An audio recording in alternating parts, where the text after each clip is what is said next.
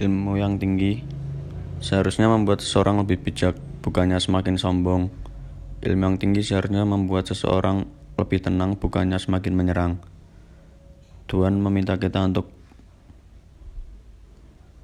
menjadi pembaca dan pemburu ilmu, bukan untuk meragukannya, tapi justru agar hati ini semakin mudah meyakini betapa maha besar kuasanya.